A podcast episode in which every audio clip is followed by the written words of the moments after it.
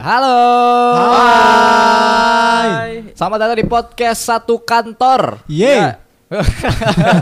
Lempeng banget ya. Oke, bareng gua Adin Skuy. Dan gua orang goceng. Dorade Asam, di mana podcast Satu Kantor akan diisi sama kita bertiga membahas kejadian-kejadian seputar hidup yang dekat sama kita bertiga dari sudut pandang tiga generasi yang berbeda.